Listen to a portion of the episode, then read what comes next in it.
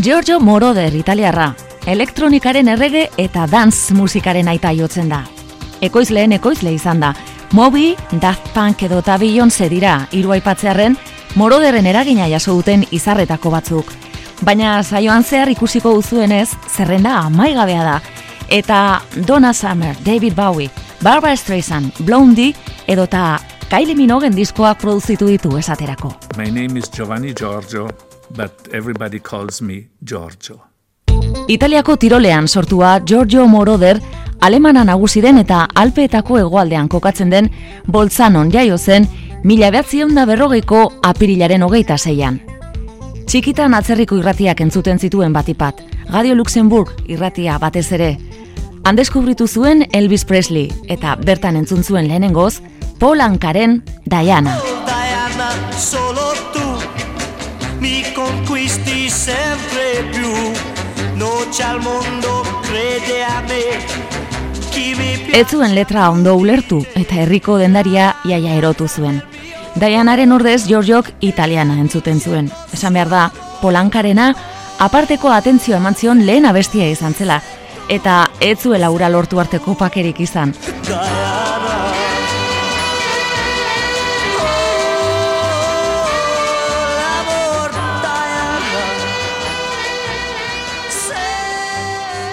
Mila behatzion da berrogeita emeretzian, emeretzi urterekin, musika talde bat sortu zuen eta urte berean musikari profesionala bihurtu zen.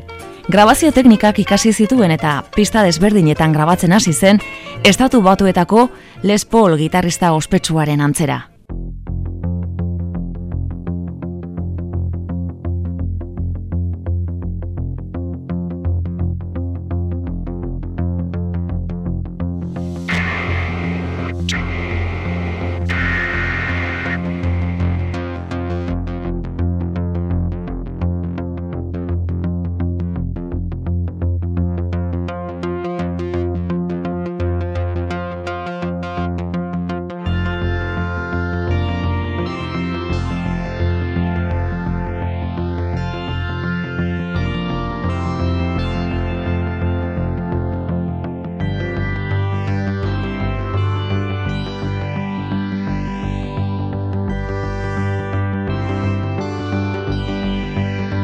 Azkar ikasi zituen azken teknologien trikimailuak eta moroder beti saiatzen zen zerbait berria sortzen. Egia da Kraftwerk ere elektronika munduan oso berritzailea izan zela, baina talde alemana soinu serio bat bilatzen saiatzen zen bitartean, Giorgio Moroderrek elektronika Ameriketako ritman bluesarekin uztartu zuen soinu guztiz berritzailea sortuz.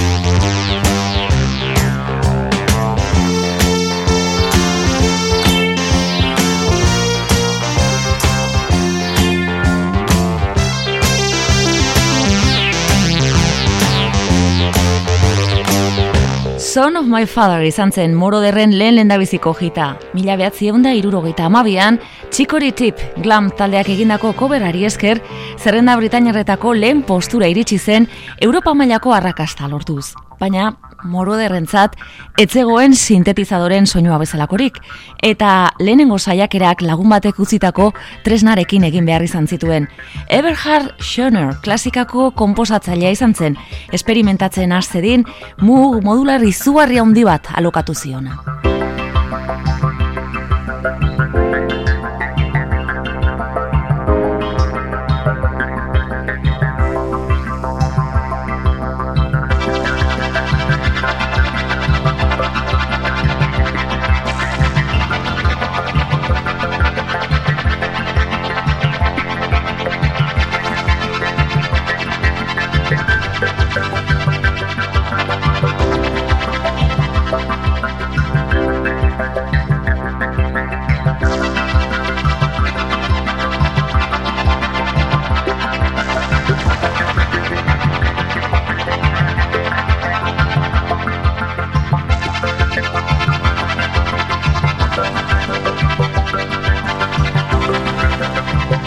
Benetako arrakasta lortzeko abeslari hon bat behar beharrezkoa izango zen. Itxura honekoa eta ondo kantatzen zekiena.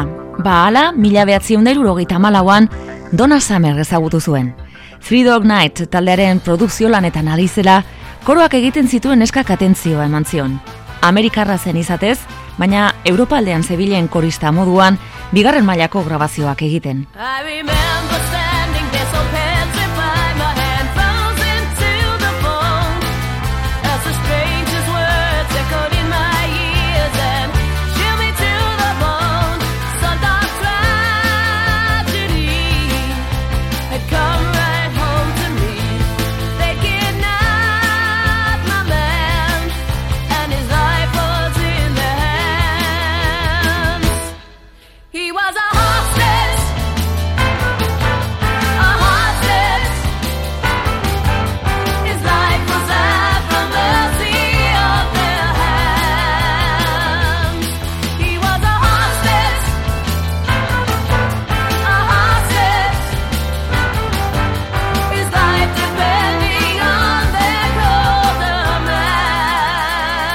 The Hostage izeneko kanta izan zen bien arteko lehen elkarlana. Holandan eta Belgikan lehenengo postura iritsi zen. Baina Giorgio Moroderren dan batekorik handiena iristia zegoen. Mila behatzion deirurogeita amabostean gertatu zen disko musikaren gailurretako batekin. Love to love you baby esker.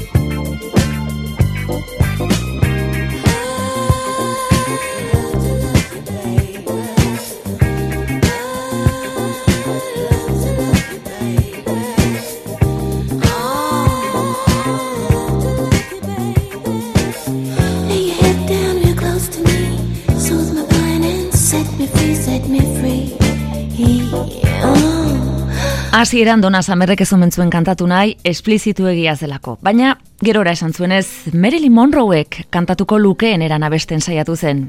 Argiak itzaltzeko eskatu, eta orgasmo bat irudikatzen saiatu zen. Ba, txain maldizkariak, hogeita irura arte zenbatu zituen, entzuten ari garen amasei minutuko maxi berzio honetan. Singela hasiera batean, Europan soilik kaleratu zen, eta irrati askok BBC katea barne zentzuratu egin zuten. Eta Neil Bogart, Casablanca ariskoetxeko presidentearen gatik izan espalitz, ez genuke seguraski ezagutzeko modurik ere izango. Oso personaje ezaguna zen musikaren industrian, ematen zituen festengatik, eta haietan konsumitzen zen drogengatik ere bai. Ba, probatzeko edo bere festa haietako batean, Love to Love You Baby pintxatu zuenean, alako arrakasta izan zuen, gonbidatuak behin da berriz zentzu nahi zutela aspertzeko beldurrik ere gabe. Bogartek bersio luze bat eskatu zion eta ia amazazpi minutuko maxi singela bidali zion moro derrek. Pa honela sortu zen, disko musika nain erabilia izango zen, amabi pulgadatako maxiaren formatua.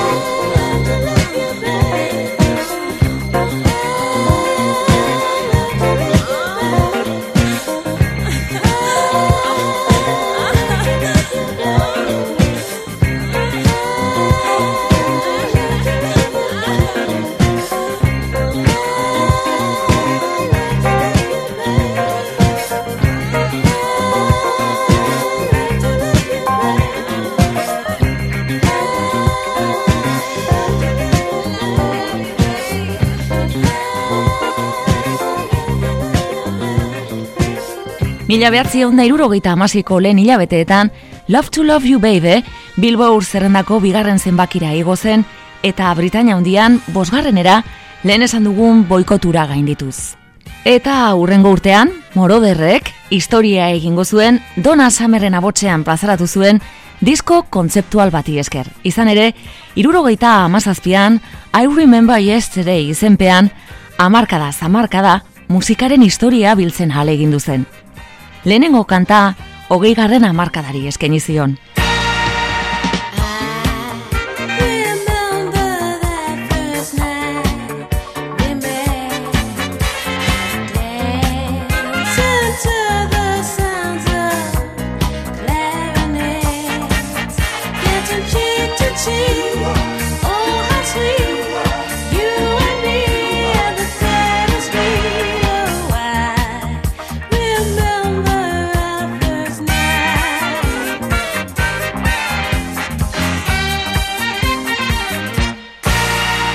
Dua pikutuz, erresuma batua eta Europa osoa astinduko zuen Love Sankain da bestiarekin berrogeita amargarren amarkadari.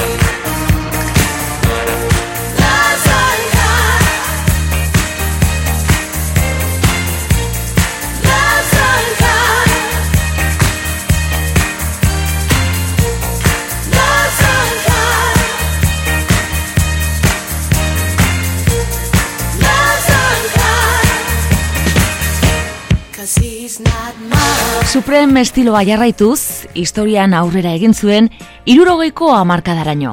Back in love again, kantarekin.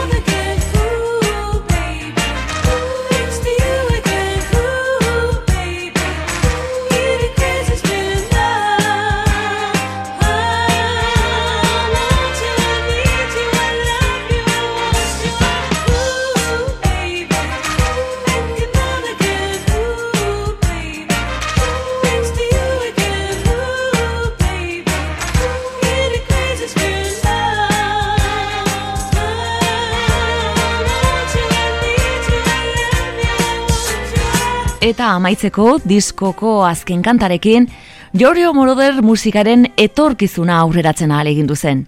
I Feel Loveekin, bai argi geratu zela, inork zalantzari balin bazuen, beste galaxia bateko artista baten musika zela ura.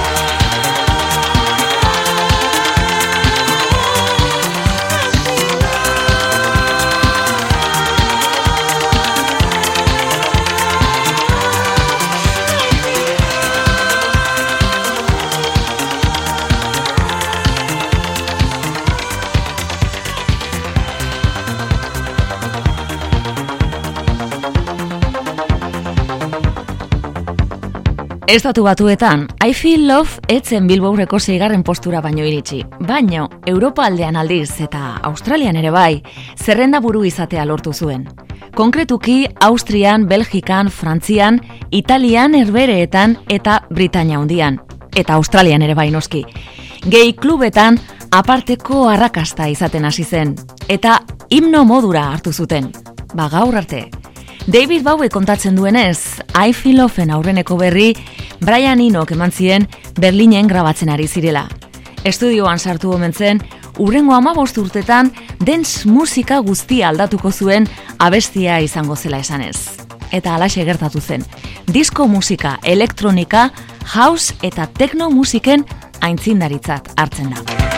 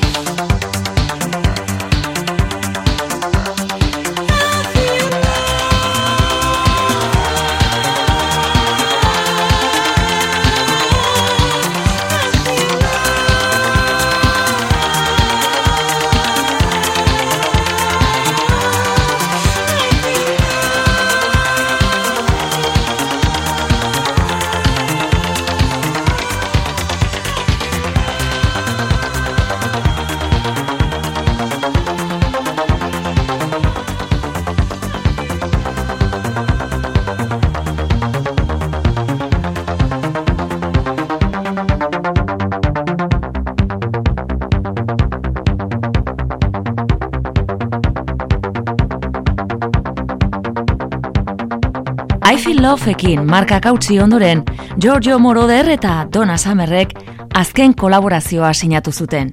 Bad Girls izeneko diskoa plazaratu zuten, irurogeita emeretzian.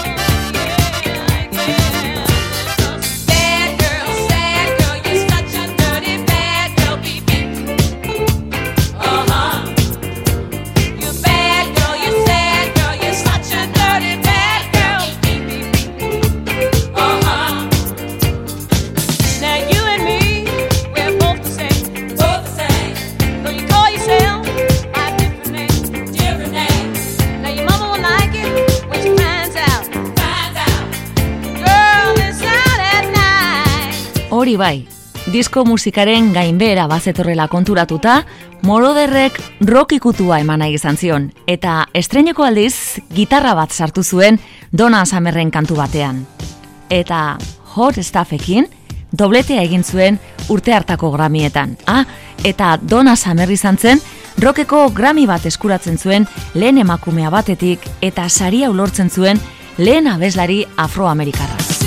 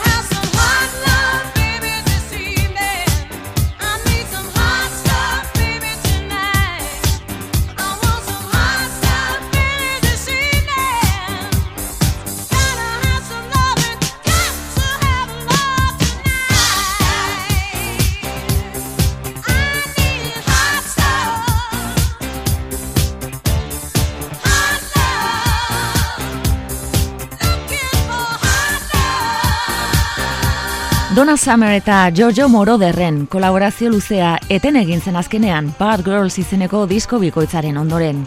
Abeslariak etzuelako nahi, Casablanca Recordsen moduko enpresa arriskutsu batean jarraitu, droga eta feste zinguratuta. Mila behatzion da laurogeian Warner Brosekin sinatu zuen. Eta Moroderrek bien bitartean, bide berriak bilatzen jarraitu zuen. The Three Degrees taldearekin esaterako. Elkarrekin sinatu zuten, irukoaren ibilbide guztiko kanturik sonatuena. Woman in Love. It's the same old story. You care, but you don't love me. Though I know it, it still hurts to hear the truth. Don't expect me to forget you. I love you, and I can't hold back the love I want to give to you.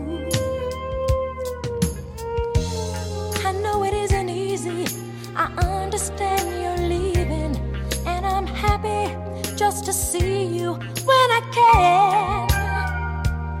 Do you understand my reasons?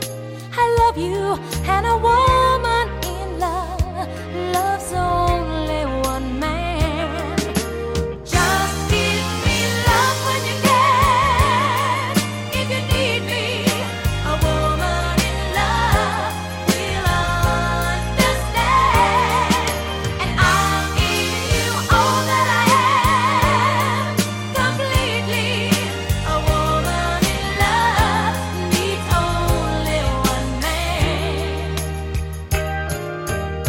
The Sparks bikotearekin ere kolaboratu zuen. Mila behatzion da laurogeian, The Number One Song in Heaven kaleratuz.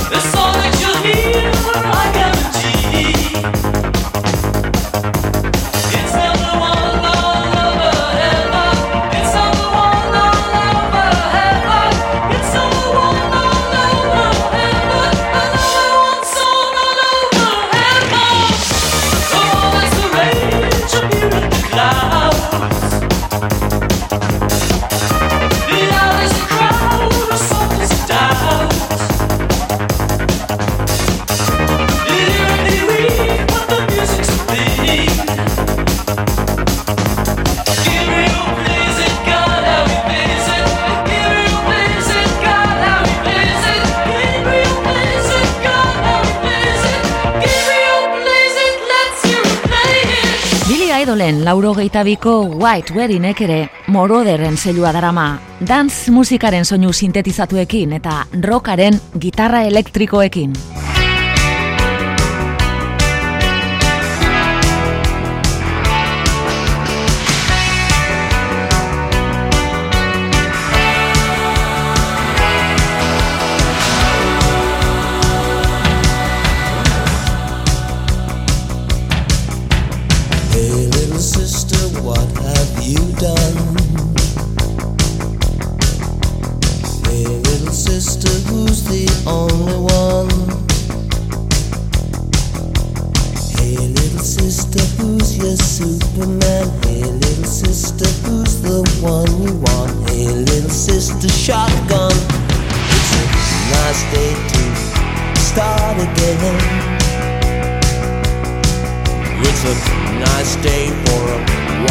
Wedding.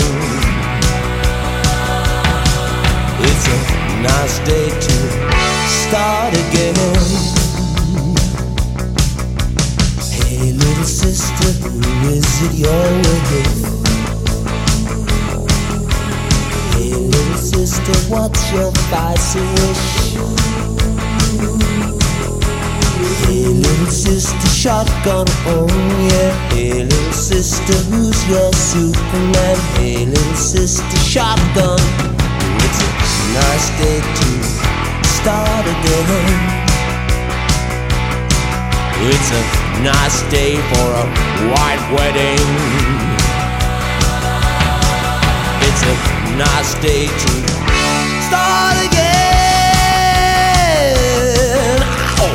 Handik aurrera, joku olimpikoetako himno ofizialak idazten hasi zen. Laurogeita lauko Los Angeleseko olimpiadetako esaterako Reach Out idatzi zuen.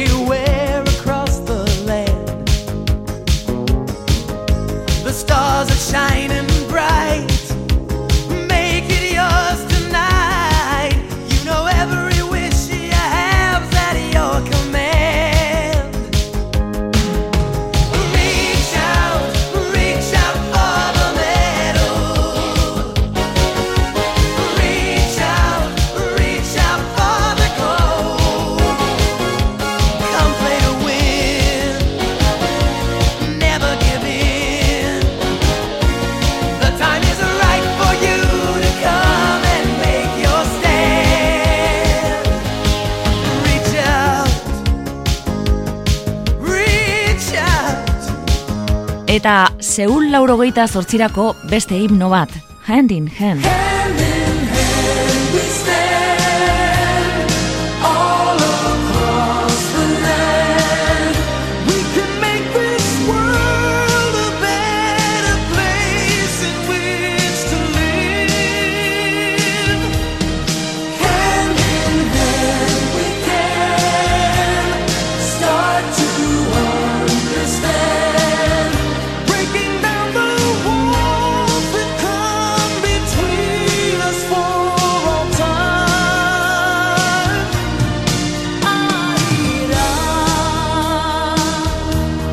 Baina Giorgio Moroderen lana etzen pop musikara mugatu eta Hollywooderako soinu banda konposatzen espezializatu zen. Hiru Oscar irabazi zituen. Alan Parker zuzendariari esaterako Donna Summerren I Feel Love hainbeste gustatu zitzaion, irurogeita emezortzian Midnight Express filmatzen ari zela, Moroderri antzeko zerbait eskatu ziola. Ba, tita batean eta formula bera erabiliz, ari musikal estiloko melodia bat sortu zuen, tekno estiloko oinarri dantzagarri bat nastuz. Arratsalde bateko lana, hasita bukatu.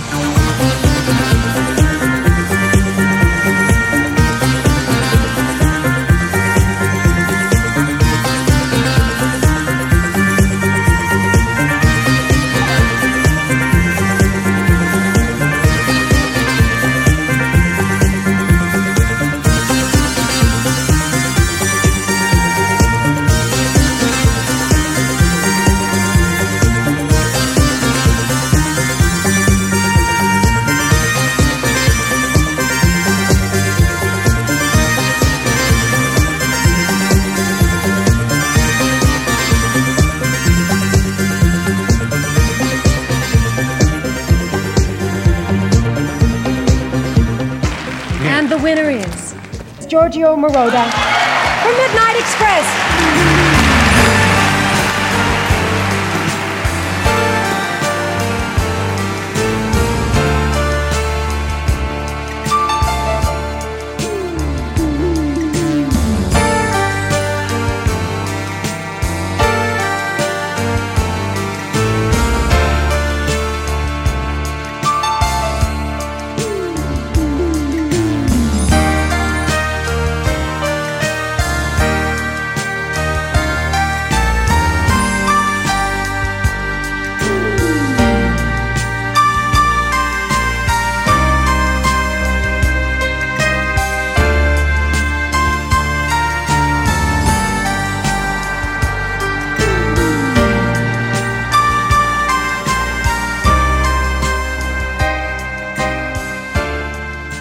Midnight Expressekin lehen Oskarra irabazi zuen eta enkarguak gelditu gabe iristen hasi zitzaizkion.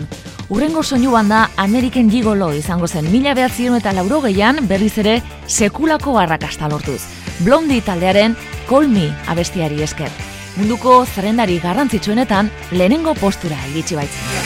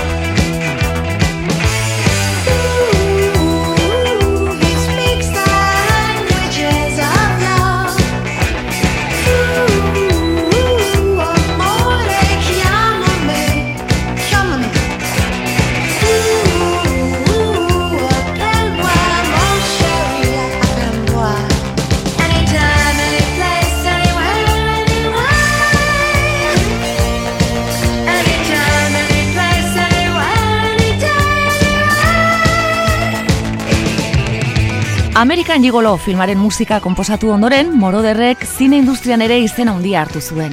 Mila behatzeun da batean, Jerry Bruckheimer, American Gigolo filmaren produktoreak berriro deitu zuen, orain honetan, Flashdance filmaren musika konposatzeko.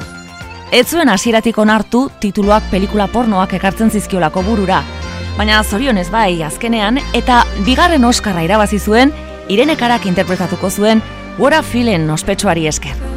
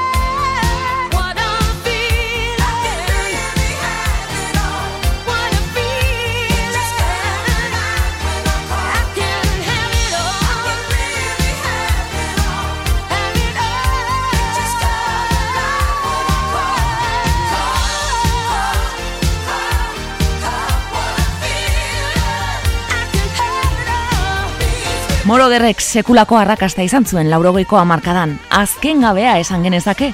Baina ez gaitezen aurreratu, Michael Enderen historio amaigabea baino lehen, beste soinu banda bat raperoen artean oso oso erabilia izan baitzen samplerretarako, Scarface.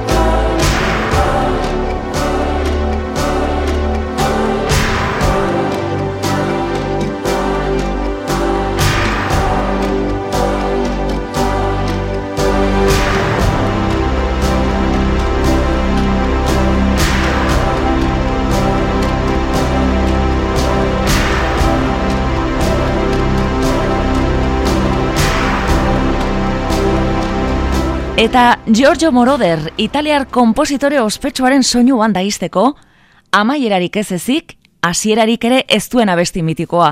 Fade out batekin amaitu eta fade in batekin hasten baita, tituluaren amaigabetasuna lortzeko asmoz. Limal, The Never Ending Story.